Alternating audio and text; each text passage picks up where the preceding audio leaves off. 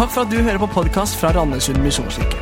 Denne talen er spilt inn på en av våre gudstjenester på søndager klokken 11. Vi håper det du hører, kan være til oppmuntring i hverdagen, og du er hjertelig velkommen til å ta del i vår menighet. Gå inn på mkirken.no eller Randesund misjonskirke på Facebook for mer info.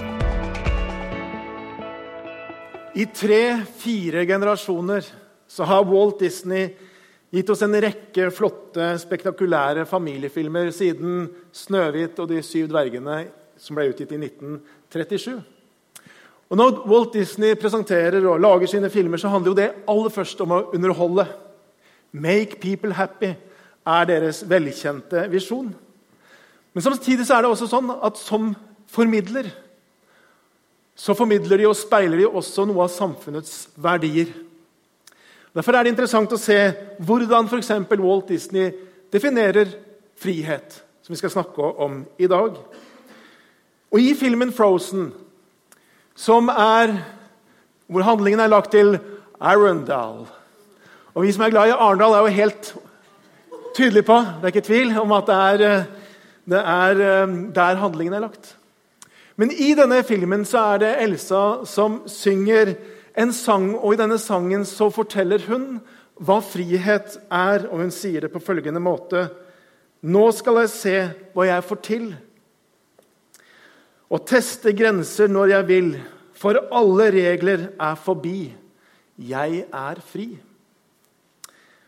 Og nettopp sånn, på denne måten, er det ofte at vår samtid og vår kultur definerer, forklarer hva frihet er. Frihet er å ikke la seg binde av regler. Det er å gjøre som jeg vil. Frihet er å ikke la seg begrense av noe eller noen. Frihet er å følge mine lyster, mine lengsler, mine drømmer, hvor enn de tar meg. Frihet er å holde alle dører og muligheter åpne. Frihet er å ikke svare til noen andre enn meg sjøl. Frihet er å forme min egen identitet, at jeg velger hvem jeg skal være. Og Ikke bare er denne type frihet én av vår tids verdier, men i en sekulært samfunn så er det kanskje den høyeste verdien av de alle. Og er det noe som er hellig, ja, så er det nettopp denne verdien. Og Hvis på en måte samtiden, kulturen, opplever at det er noe som på en måte truer denne type frihet, så reageres det med lynsjestemning. Frihet, hva er det der egentlig? Hva har Bibelen å si og fortelle oss om frihet, som er et så viktig tema inn i vår samtid? Og kanskje aller viktigst hvordan kan jeg bli? Eller hvordan kan jeg være fri? Og Det er noen av de spørsmålene som vi skal ta for oss de neste fire ukene i denne taleserien, hvor vi har satt frihet på agendaen. Og I dag skal det handle om et konfronterende møte mellom Jesus og noen jøder. Og det er I dette møtet som vi leser om i Johannes kapittel 8 og vers 31-36, og vi kommer snart til teksten, I dette møtet, som blir et veldig temperaturfullt møte, ja, det blir faktisk så heftig, og det er på en måte noen ting som krasjer så veldig at det står at de tok opp stein for å steine Jesus. Så det skapte lynsjestemning også den gang, når ulike tanker om frihet krasja. For det er sånn at det er noen ting som er virkelig frihet. Og så er det andre ting som kan se ut som frihet, kan høres ut som frihet, men det er egentlig bare tilsynelatende frihet. Det fører oss et sted hvor vi egentlig ikke vil. Og så er det det som tilsynelatende ser ut som å miste sin frihet, som faktisk er virkelig frihet. Og Så skal vi gå til teksten i Johannes 8, fra vers 31. Jesus sa da til de jøder, jødene som var kommet til tro på ham.: Hvis dere blir i mitt ord, da er dere virkelig mine disipler. Da skal dere kjenne sannheten, og sannheten skal gjøre dere fri. De sa til ham, 'Vi er Abrahams ett, har aldri vært slaver for noen.' 'Hvordan kan du da si at vi skal bli fri?' Jesus svarte, 'Sannelig, sannelig, jeg sier dere:" 'Den som gjør synd, er slave under synden.' 'En slave blir ikke i huset for alltid, Men en sønn blir der for alltid. Får Sønnen frigjort dere, da blir dere virkelig fri. Skal vi be. Herre Jesus Kristus, jeg takker deg for ditt ord til oss. Jeg takker deg for at du gir oss sannhet. Og så ber jeg Herre at du skal åpenbare ordet ditt for oss som er samla her. At du skal tale inn i våre liv. Hva, hva betyr dette for meg i dag? Jeg ber deg, Jesus, om det. Amen. Det er tre spørsmål som denne teksten berører om det som har med frihet å gjøre. og det er dette Hva er frihet egentlig? Et annet spørsmål vi skal se på, det er hva er det som tar vår frihet? da? Og for det tredje hvordan blir jeg virkelig fri? Det første spørsmålet som denne teksten berører og aktualiserer, er jo akkurat dette som jeg starta litt med innledningsvis. Hva er frihet egentlig? Og De som hørte Jesus, og som var tilhørere når vi, denne diskusjonen, det står at det var noen jøder. Det står til og med at de hadde kommet til tro på ham. Og Likevel så ser vi det at når Jesus på en måte gir dem en mulighet, inviterer dem til å erfare virkelig frihet, og at sannheten skal sette dem fri, så reagerer de med irritasjon eller med sinne. Og så sier de, 'Hei, hei, hei! Vi er jo fri!' Vi er Abrahams ett og har aldri vært slave for noen. Hvordan kan du si at vi skal bli fri? Det er deres reaksjon på en måte sånn fra magen. At de alltid hadde vært fri, det er jo kanskje ikke helt riktig. Men når vi leser Israels historie, så ser vi det at de er liksom stadig under på en måte andre rikers åk. Egypt og Babylon, og det er under andre naboriker osv. Så, så det at de alltid hadde vært fri og aldri noen slaver, det var litt sånn, kanskje ikke helt. Og på denne tiden her så var jo Israel okkupert av romermakten. Ikke sant? Og Allikevel så har de denne på en måte selvforståelsen. Vi er fri. Vi er jo ikke underlagt noen. Så tenker jeg, Det er nesten litt sånn komisk skjær over det der. For tenk deg Jerusalem, det var der dette skjedde. Masse romerske soldater som på en måte marsjerer opp og ned gatene. og Så står de der og sier vi er fri, vi er ingen underlagt, vi er ikke slaver av noen. Det er nesten litt som hvis dere husker komiske Ali under krigen mot Irak. Det er et lite komisk skjær over dette. her. Men de var fri. Og Interessant er det jo at når Jesus på en måte åpner døren og sier dere kan bli på en måte fri i større grad. Dere kan bli virkelig fri. Ja, så reagerer de ikke med å gå inn i den muligheten, men de reagerer med sinne, med irritasjon. De vil ikke ha det, de føler seg fornærma. Er ikke vi fri? Og på en måte Noe av den der krasjen der den kan vi jo møte i samfunnet i dag òg. En skal være forsiktig med å pirke bort til folk og si at kanskje du trenger å bli fri. Det kan hende de reagerer med sinne.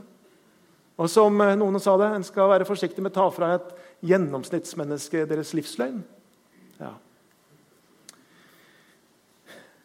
Det første vi møter i denne teksten, det er at ulike forståelser av frihet kolliderer. Mellom jødene og Jesus den gangen og så tenker jeg, og så ser vi ganske ofte hvordan ulike måte, tankeformer om frihet i samfunnet rundt oss og Jesus, hvordan det kolliderer i vår tid og i vår samtid. Lars Svendsen i Tankesmia Civita han skriver i en veldig interessant artikkel om frihet følgende. Han sier samtidig vil frihet alltid være et kontroversielt begrep. Ikke fordi særlig mange vil hevde at de er motstandere av frihet, men snarere fordi at det finnes så mange uforenlige oppfatninger om hva frihet er. Uttrykket 'frihet' har så mange betydninger. Det er påvist godt over 200 slike. Ja. Og Derfor så snakker man noen ganger kanskje både forbi hverandre og mot hverandre.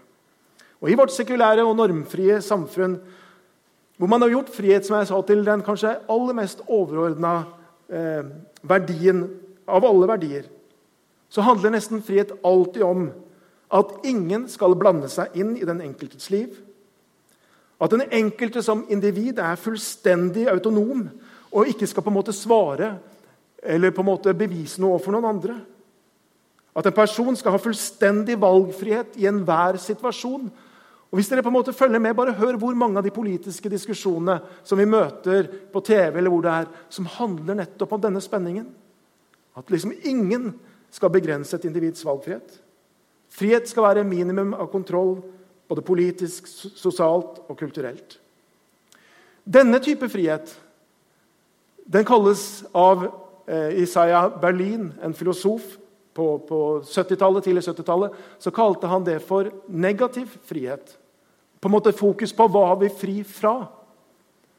Han snakket om det er to typer frihet. og Den ene type frihet er dette. Alt hva vi har frihet fra. Og Det er nesten alltid det vi hører om i vår samtid og i vår kultur.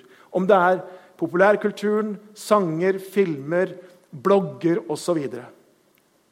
Jeg har mine egne meninger, og jeg vil gjøre som jeg selv vil. Lar ingen ta kontroll over meg.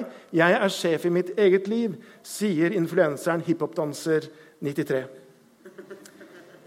En annen influenser sier følgende.: Jeg bryr meg ikke om hva andre mener. Ranveig. Gjør som du selv vil, ikke det alle andre vil, sier Emma. Bare noen få sitater fra noen eh, såkalte influencers. Og, og, det å si noe sånt noe i vår kultur Det er jo ingen motstand mot det. Ikke Det, det, blir ingen debatt på Dagsnytt 18 av at noen sier noe sånt noe. Det blir ingen som reagerer med noen sinte lesere, for det er på en måte så selvsagt i vår kultur. Ja, sånn må det være. Og så tenker jeg ja, og så legger de ut sine tekster og så legger de ut bilder for å få så mange likes og kommentarer som mulig. Så tenker jeg, så bryr de seg kanskje litt om hva andre mener da, likevel. Eller er det bare jeg som ser ironien i det? Problemet er jo at en sånn forståelse av frihet den er forflata, den er forenkla, og den hjelper faktisk ingen til å oppnå den friheten som de dypest sett lengter etter eller ønsker. Den hjelper oss ikke.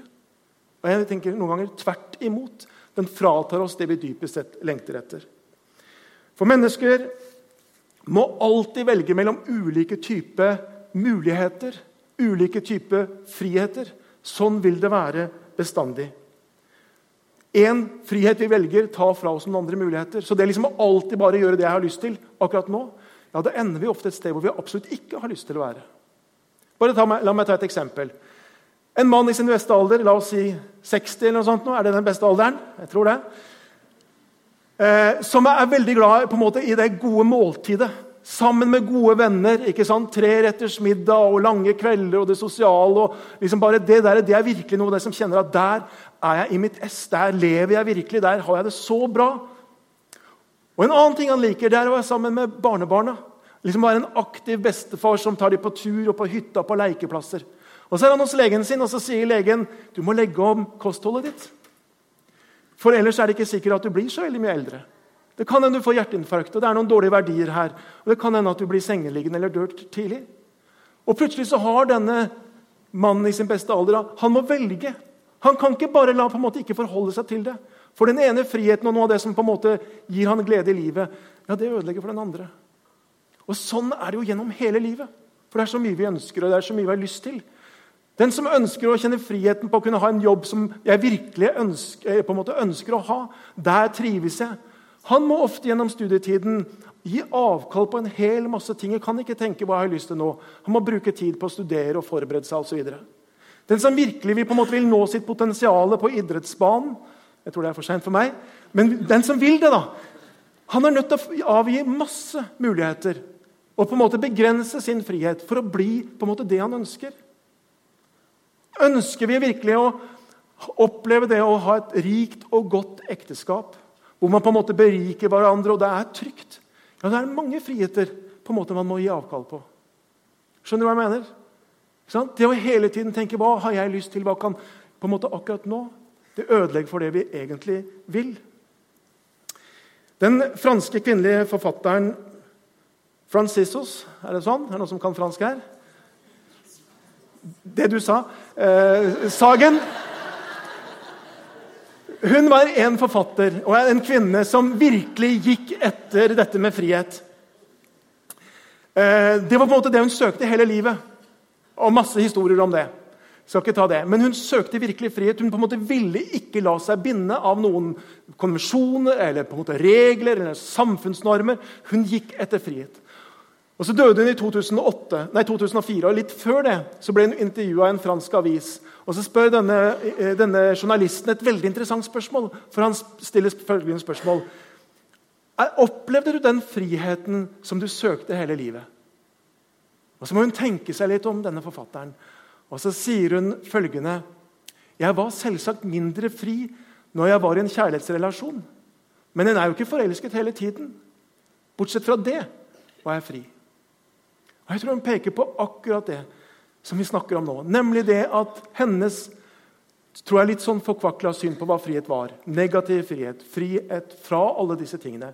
Det hindret henne i å erfare det som kanskje dypest sett vi opplever frihet, nemlig en dyp og rik kjærlighetsrelasjon. Om det er ekteskap eller om det er foreldre og barn. Det er på en måte der vi kjenner at det virkelig lever. Og så tror jeg dessverre at hun, sammen med mange, også i vår samtid, er så opptatt av å dyrke en type feil frihet. Og så mister man egentlig den friheten, det man lengter etter. En helt annen måte å tenke frihet på det er ikke å se det på frihet fra alle disse tingene, men frihet til. Det som Isaiah Berlin kaller positiv frihet. Frihet til å leve det livet som du er ment eller skapt til å leve. For slik fisken er skapt til å være i vannet og er fri der Det er fiskens element. Og Du har kanskje sett en fireåring skal hjelpe en fisk ut av vannet, liksom redde det og legge det på land. Ja, Så er ikke det å hjelpe fisken til større grad av frihet. Det dør der. Og sånn som Vi tenker at fuglen vi setter en fugl i et gullbur og gir dem luksusmat og tenker nå skal vi virkelig ta vare på fuglen, så vil den ikke ha det bra der. Den er skapt til å leve i luften. Og Sånn så er også vi, du og jeg, vi er skapt til noe. Vi er skapt på en måte til å kunne nå det som er meg, det som er min fylde, min, hele meg. Og i det, der ligger friheten. Ikke frihet fra, men en frihet til å være. Og Kirkefader Augustin han fanget dette allerede da for veldig mange hundre år siden, hvor han sier at sann frihet handler ikke om valg eller mangel på begrensninger, men til å bli det du er ment å være. Det er sann frihet. Bli det du er, vant, det du er skapt til å være. Så hvis vi går på andre punktet, da Hva er det da som hindrer vår frihet? Hva er det som på en måte gjør at det er så vanskelig å bli akkurat det som vi er skapt til å være? Hva er det som gjør at det er så vanskelig å leve ut en slik frihet? Hva er det som hindrer oss i det? Og Det sekulære mennesket det tenker at det som hindrer deres frihet, det har stort sett med noe ytre å gjøre. Det har med f.eks. Eh, sånne moralske etiketter som på en måte samfunnet er bygd opp av. Det handler om hva andre mener. De er veldig opptatt av, av at andre meninger begrenser min frihet. Andre tenkning, andres tenkning begrenser min frihet. Samfunnsstrukturer, lover osv. På en måte så tenkte også disse jødene som Jesus snakker med, litt sånn, de tenkte fort også at det var noen ytre ting som begrenser deres frihet. Og så isteden i denne samtalen med disse jødene og i denne teksten så er det som om Jesus på en måte bare skjærer rett inn til beinet med kirurgisk presisjon og avdekker hva som dypest sett gjør at vi ikke er fri. Og så sier han følgende.: Sannelig, sannelig, jeg sier dere, den som gjør synd, er slave under synden. Menneskets fangenskap, ufrihet, bundethet handler ikke først og fremst om det ytre.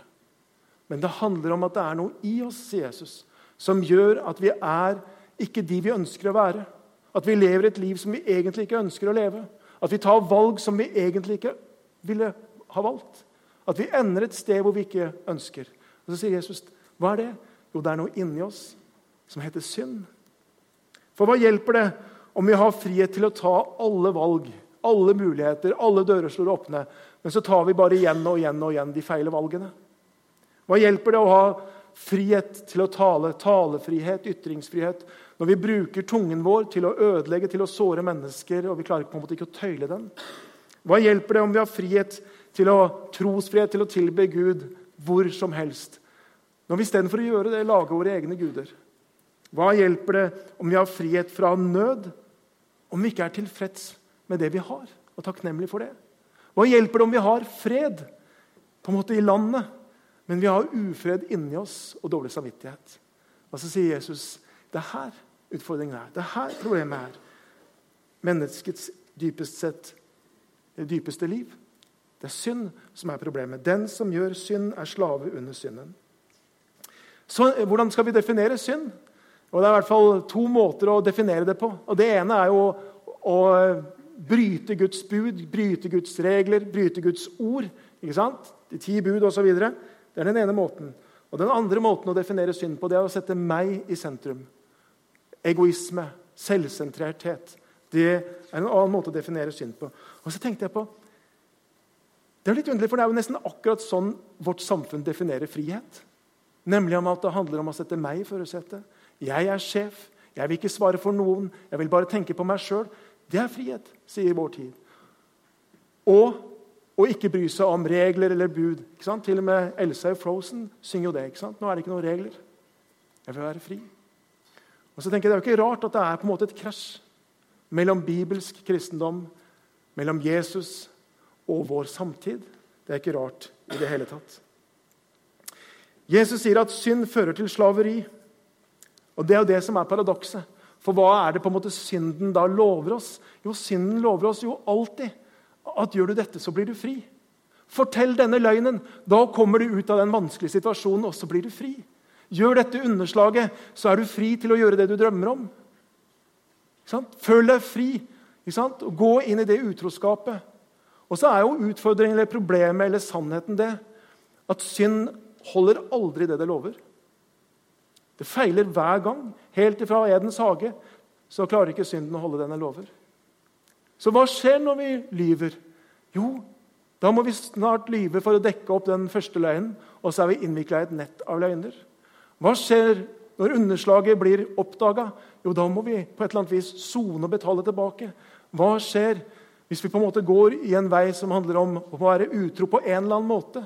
Jo, så ender det ofte opp med at vi blir bundet, vi blir Eh, vi får et liv, vi får en konsekvens som vi absolutt ikke ønska. Og frihetsfølelsen, den uteblei.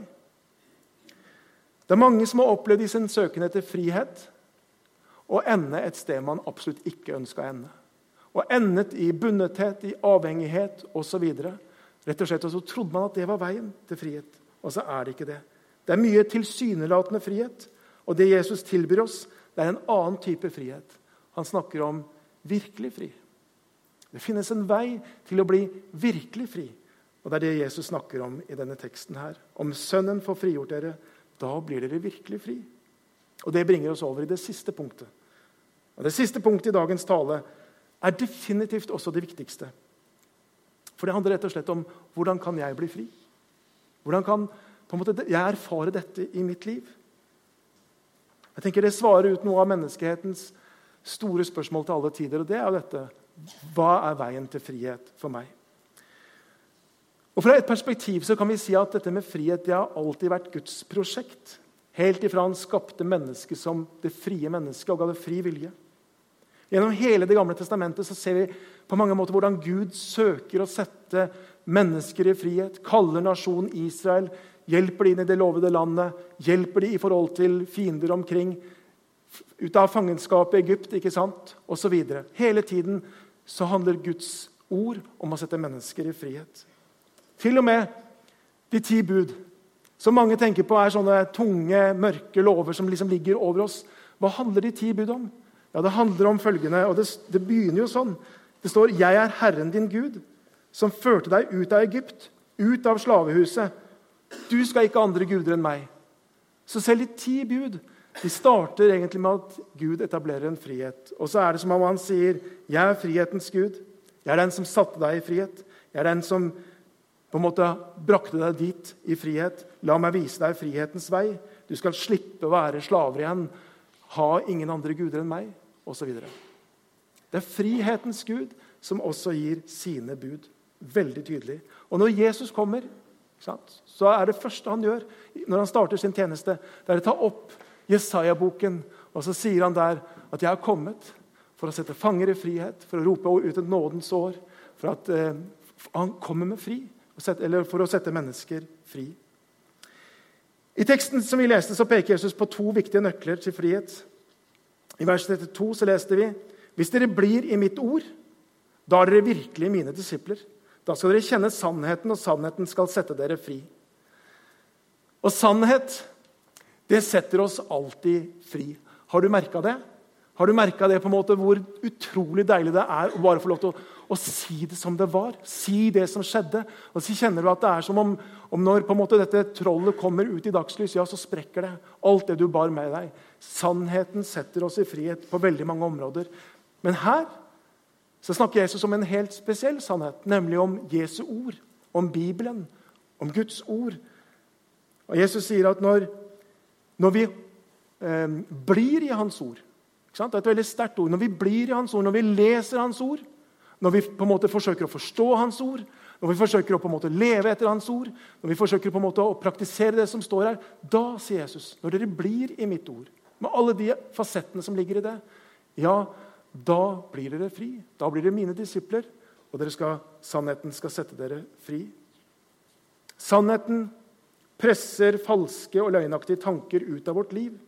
Jeg tenker Det er så mye av våre bindinger, er så mye av vår ufrihet som egentlig bånder i det at vi ikke helt forstår hvem Gud er, og at vi i hvert fall ikke forstår hvem vi er i Kristus. Hva er sannheten om oss?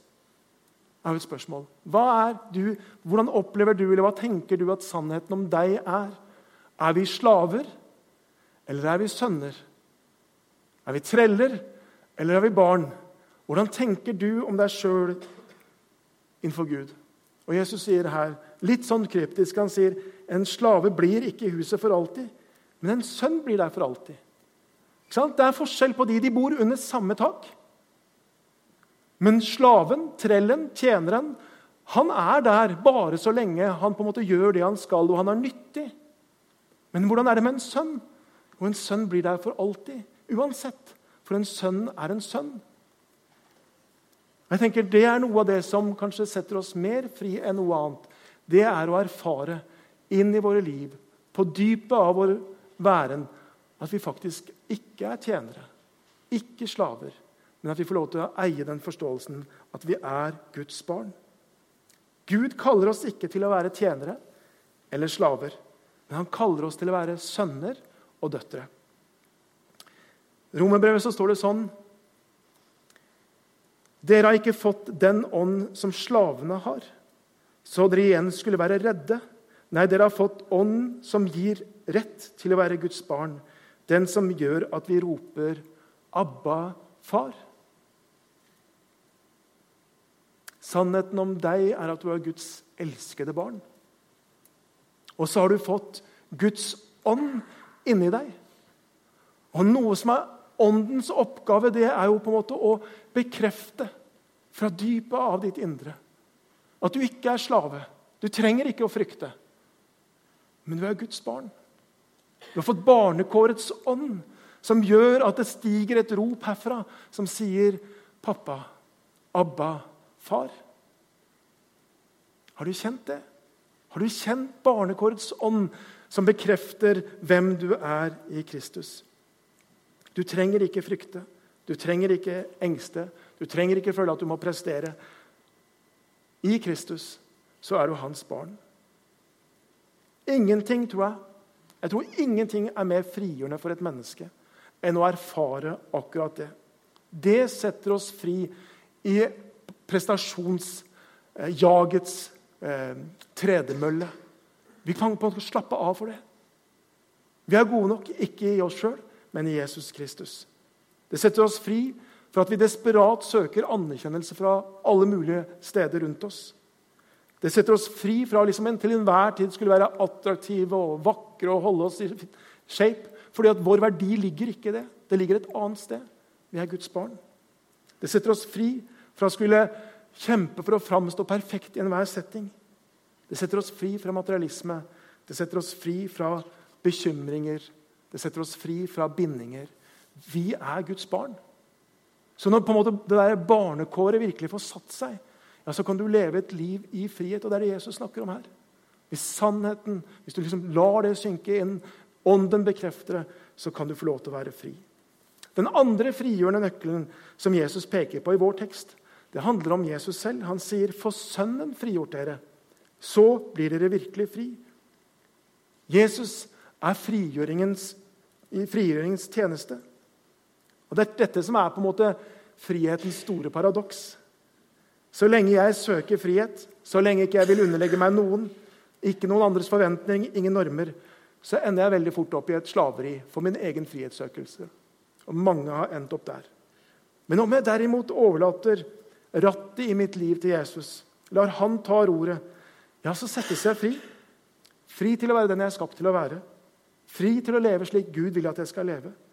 Og Når jeg har min identitet i Jesus, så finner jeg også hvordan jeg kan leve i balanse i mitt liv og i rett forhold til andre mennesker. Det er når jeg mister fotfestet mitt i Jesus, at ubalanse, ufrihet, bindinger, avhengigheter oppstår. Så når Gud ber meg i de ti bud og Det første budet handler om å ikke ha andre guder enn meg. Så når Gud ber meg om det, så er det ikke Gud som trenger det, men det er jeg som trenger det. Jeg trenger for mitt liv at Gud er på førsteplass. At han er den som er øverst. At jeg ikke har noen andre guder enn det. Og alt jeg plasserer der, det kommer til syvende og sist på et eller annet vis til å ødelegge mitt liv og ta min frihet. Derfor er det så viktig dere, at for å erfare frihet, at vi søker Kristus med vårt liv. At vi ikke beveger oss i ytterkanten og tenker jeg holder Jesus på en god armlengdes avstand, for da skaper jeg en slags fri distanse til ham, hvor jeg på en måte kan bevege meg. Og ikke alltid stemme Jesus stemme ned i mitt liv. Eller alltid ha på en måte vetorett i forhold til hva Guds ord sier. For på en måte lever jeg i det der, ja, så opplever jeg ikke denne virkelige friheten som Jesus snakker om. Friheten finnes når jeg lever nær Jesus. Da står det, da er jeg virkelig hans disippel. Og da skal sannheten sette meg fri. For et par-tre uker siden så hadde jeg en samtale med en kvinne her i menigheten. og Så fortalte hun at hun hadde sett et bilde. Og Så tenkte hun at det kanskje angikk oss som menighet. Jeg ba henne skrive det ned. Og så tror jeg det har noe med dette å gjøre. Og Hun sier følgende.: Jeg var i bønn for menigheten den dagen og sa at mange av oss i menigheten sto med ryggen vendt mot Guds trone. Vi sto der og speidet utover i verden etter noe som kunne dekke våre behov. Åndelig, sjelelig, økonomisk, sosialt eller kroppslig. Vi var der foran Guds trone, men vi hadde ikke blikket rettet mot Han. Vi søkte ut i verden når vi trengte hjelp eller trengte å dekke våre behov ikke først og fremst han. Gud sto der klar med sin kjærlighet og sin hjelp, sin kraft og styrke, mens vi sto med ryggen til, så vi ikke kunne ta imot. Jeg opplevde det som at Gud lengter etter oss, og at han ville gi oss eh, at, han, at han vil at vi skal snu oss og søke Hans rike og Hans ansikt først. Og så vil han gi oss alt det andre i tillegg. Kanskje Kanskje kjenner du at det der det var kanskje et ord til meg. Hun kjente at hun ble minnet om det, og så tror jeg at det var riktig å dele det med dere. Kanskje er det noen som tenker jeg trenger faktisk det der å vende blikket til Herren igjen. Ei som fikk oppleve det, som ble satt i frihet, det er Anette. Hun er i 40-årene. Bakgrunn fra det militære og i politi. Arbeidet i dag som næringslivskonsulent i, i et firma. Hun forteller at hun i mange år opplevde en indre borgerkrig inni seg, med selvbilde og med sosial angst. Og Så blir hun kjent med en jevnaldrende kvinne gjennom jobben. Og så blir hun med til hennes menighet litt utenfor Bergen. Og Så skal du få lov til å høre hva hun sier. Jeg hadde så lenge prøvd å befri meg fra fangenskapet jeg befant meg i. Men det jeg hadde forsøkt i 20 år uten å lykkes, det gjorde Jesus på et par år. I dag er jeg fullstendig fri uten å ha løftet en finger for å få det til. Hvordan? Jeg har vært med Han. Det er alt. Jeg fant min møteplass og møteform i lovsangen. Der lå nøkkelen for meg. Du kan godt si det sånn at jeg har sunget meg til helbredelse. Selv om snørr og tårer har rent, og sjelen min har blitt revet i stykker av sorg og smerte, så har jeg valgt å tilbe og prise Gud midt i alt. Og gang på gang har jeg opplevd at han har fridd meg ut. Han erstattet løgn med sannhet og vasket bort de vonde følelsene som fulgte med løgnen. Han tok bort all bitterhet, hat, selvforakt og forakt for andre mennesker. Jeg trengte ikke lenger å stå foran speilet og si til meg selv hundre ganger om dagen at jeg var verdifull. Den teknikken fungerte ikke. Den nådde hodet, men aldri hjertet. Jesus sier, 'Få Sønnen frigjort dere'. Da blir dere virkelig fri. Så jeg har lyst til å si også i våre liv så finnes det stemmer som sier at friheten finnes der ute et sted eller ved å fjerne meg fra noen ting. Så jeg har lyst til å si, Stå opp mot de stemmene. Det finnes en annen type frihet som handler om hva du er fri til å være. La Jesus få lov til å være friheten i ditt liv. Jesus sier, 'Ta mitt åk på, for det er godt, og det er lett å bære.' Og Det er når vi er bundet til Han, at vi kan erfare virkelig frihet, som Jesus snakker om her. La barnekårets ånd, Den hellige ånd som er i deg, komme til orde i ditt liv og bekrefte at du er Guds barn, du er Guds sønn, du er hans datter. Sånn at du kan rope 'Abba' fra, fra dypet av ditt hjerte. Vi skal synge et par lovsanger nå mot slutten av møtet. Når vi gjør det, så har jeg bare lyst til å oppfordre deg til å stå innenfor Herren. Løfte hendene eller lukke øynene, eller om du vil sitte ned, eller gjør det du vil, sånn at du på en måte åpner opp deg sjøl, det dypet av ditt indre, for å ta imot den friheten som Jesus ønsker å betjene deg med. Han lengter etter deg, han lengter etter å berøre deg, han lengter etter å se deg i frihet. Frihet er Guds prosjekt.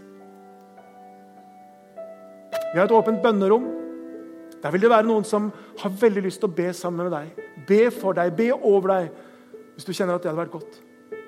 En lysklobe. Du kan tenne et lys for din nød. Du kan skrive en lapp og legge bønnekroka. Vi skal reise oss opp. Og så gjør du det som du kjenner er godt og rett for deg. Ta imot hans frihet. Himmelske Far, jeg takker deg for at uh, i sannhet så er frihet Det er ditt prosjekt, Herre. Og du ønsker å se sannhet i våre liv. Du ønsker å berøre oss, Herre, med sannheten, sånn at alle løgntankene kan forsvinne.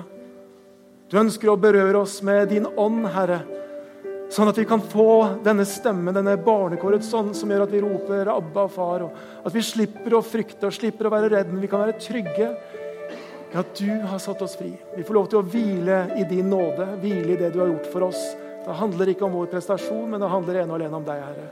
Kjære Jesus, jeg ber at, bare, at du holder gudstjeneste med hver enkelt her. At du betjener oss, Jesus. Kom, Herre Jesus. Kom, Herre. Amen.